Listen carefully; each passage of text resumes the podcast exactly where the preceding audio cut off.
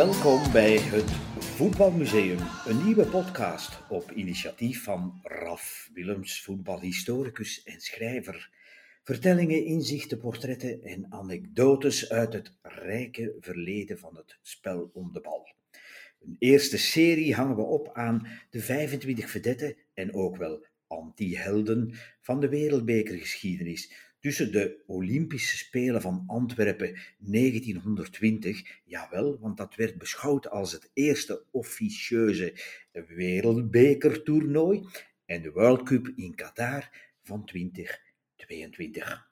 Gebaseerd op mijn boek 111 legendarische voetbalhelden sinds 1920. Welkom bij aflevering 19 over de Italiaan Roberto Baggio of de boeddhistische goddelijke paardenstaart, met als referentiewedstrijd Italië-Bulgarije 2-1 in de halve finale van de Wereldbeker in de Verenigde Staten op 13 juli 1994. Roberto Baggio, Italië, Brazilië 0-0, finale World Cup, USA 1994. Hij was de beste speler van het veld, maar trapte de laatste strafschop over het doel. Een paar dagen eerder hadden zijn twee doelpunten tegen Bulgarije de squadra van een plaats in de finale verzekerd. Il Divin Codino, de goddelijke paardenstaart dus, was atypisch voor het commerciële topvoetbal en een vreemd lichaam in het Italiaanse Catenaccio. Toch piekte zijn populariteitsgolven Overal waar hij speelde, stonden de mensen voor hem op de banken. Hij werd geëerd voor zijn vrije geest. De goddelijke paardenstaart wendde zich tot de kale Dalai Lama, met meditatie, met mildheid bij het menselijke falen, de kern van het door hem omarmde boeddhisme. Niet om de eigen dwalingen goed te praten, maar om ze een plaats te geven in het panorama van een levensloop pacifist uit overtuiging. Hij zocht de rust, de stilte, de spiritualiteit, het samenzijn in vrede. Roberto Baggio smaakte het applaus van de tegenstander en de publieke opinie bij zijn gedurfde, aparte en tegendraadse keuzes op het veld. In 87 besloot hij, pas hersteld van twee jaar blessureleed, tot een inspirerende wandeling over het veld van San Siro. Hij scoorde namens Iviola, Fiorentina, de paarse dus, tegen de Rossoneri, rood-zwarte van Gullit en Baresi.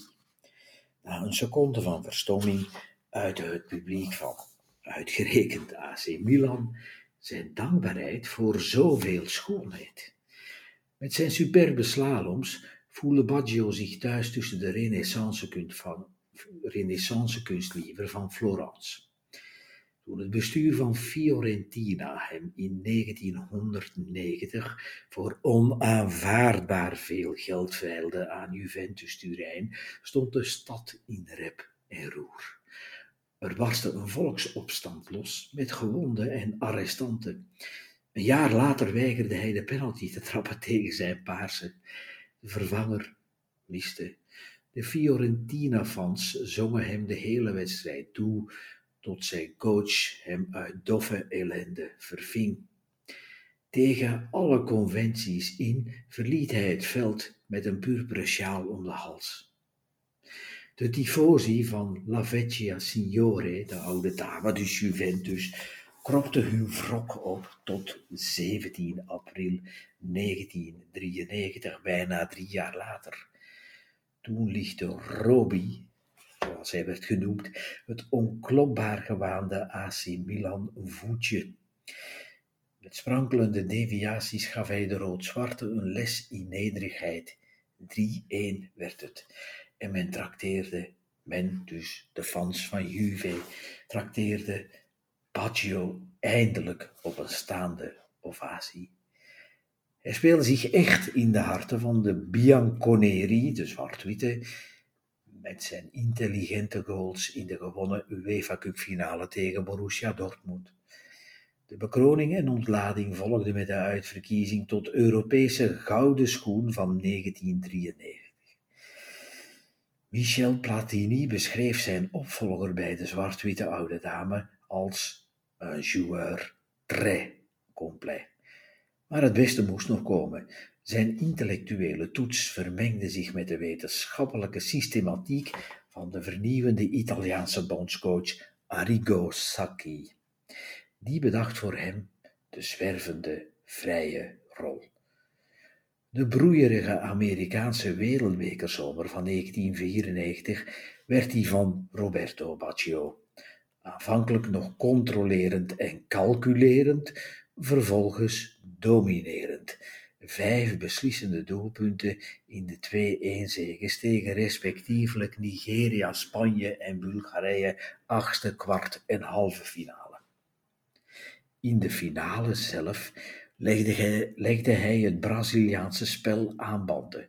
Zoals in de oude tijden bij Fiorentina, toen hij betere tegenstanders de benen en de adem afsneed, door subtiele variaties in positiespel en balcirculatie. Dat hield hij 120 minuten vol in de finale in de verzengende hitte van de Rose Bowl in Los Angeles. Bij de laatste trap liet zijn mentale meesterschap over de bal hem in de steek. Hij schoot de strafschop hoog over en zocht nadien de eenzaamheid op. De passage paste in het scenario van zijn leven en nam het risico van de mislukking op zich.